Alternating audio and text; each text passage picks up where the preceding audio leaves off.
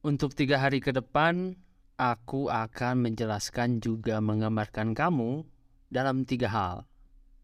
Dan di episode kali ini, aku akan menjelaskan hal yang pertama. Check this out.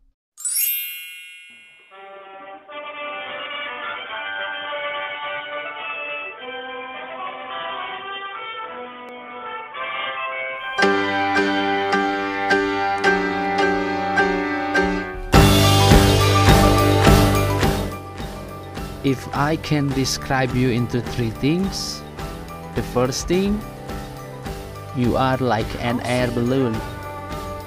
It's colorful, it's pretty, and fun to see them in the air.